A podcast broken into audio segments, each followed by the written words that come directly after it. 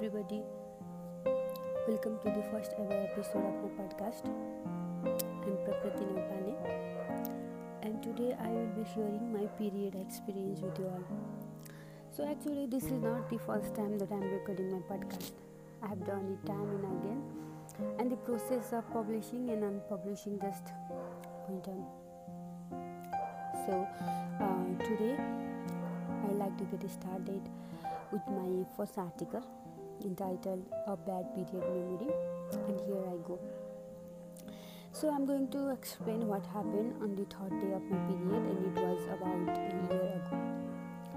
So, on the third day of my period, I felt so unwanted somehow, and breaking the persisting taboos around menstruation seemed impossible. My presence was certainly not cheerful for them after finding about it. Them does not imply some old grannies who still think periods are impure, and especially visiting a temple or staying in contact with anything related to God is immoral. Wistfully, there are a bunch of fogies in early 20s. Uh, as I recall that day, I was pretty excited to attend one of my closest friends' wedding.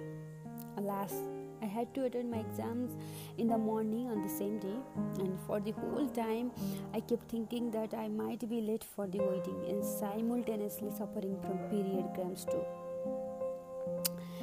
Then, after my exams, I came back home, took a painkiller as usual, and get dressed in my favorite lehenga. As it was already noon, I rushed to the venue and asked where my friends were. And uh, people told me that the uh, bride of the day was in her dressing room along with her sisters and a bunch of friends. I dashed into the room, hugged her, and wished her a beautiful and happy married life ahead. So, um, everything was going fine there until I said that I was worried about being late due to the exams and, of course, dysmenorrhea, also known as menstrual cramps. Right after hearing the word, her sister asked me to step back and started replacing the step stool. I had no idea what was happening there. I looked at the bride's inscrutable face and left the room in vain. Undeniably, it made me sad at the moment, but I felt more pathetic about what happened next. So, I was sitting outside with uh, a bunch of girls, and it was meal time where one of the girls in our gang. Refused to go to the food buffet and asked one of her friends to get for her. Then I immediately asked if everything was okay with her. And she replied that she shouldn't touch the buffets. It is it's her third sorry fourth day of the period. And it's wrongful to do so god i realized that they were all for the dirty. No matter how much we desire change no one wants to initiate. Instead people want it to happen overnight.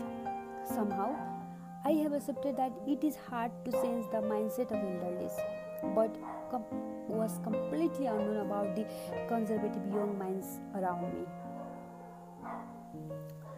So, all I want to say is this sort of incident might have happened to any of the ladies out there.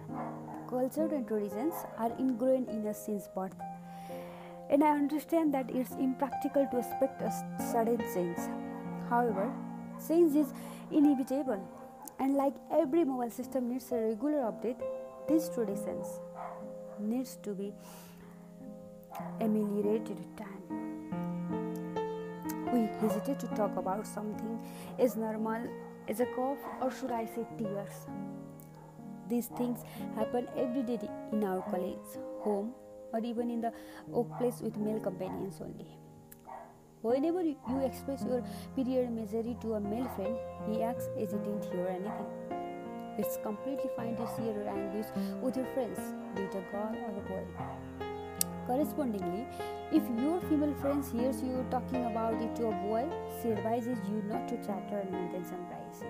See how pathetic the situation here is. So today I ask people to talk about it without hesitation, not necessarily body. People still make their daughters spend a week of their first three periods in a dark room, avoiding the male family members. So tell them that it's unessential Do not fear to assure your parents about refining the culture. Soak up in the sun if you need it. Don't don't feel embarrassed while buying sanitary pads and do not lower your voice talking about it. Don't be ashamed to dry your pads if they are reusable in the sun. Give your body a proper wash and a well deserved rest, and of course, some good food. Continue light exercises, love yourself, your health is an investment. So, before all these things, before all this drama, learn to love yourself first. That's it. Thank you so much for hearing me. Good night, guys.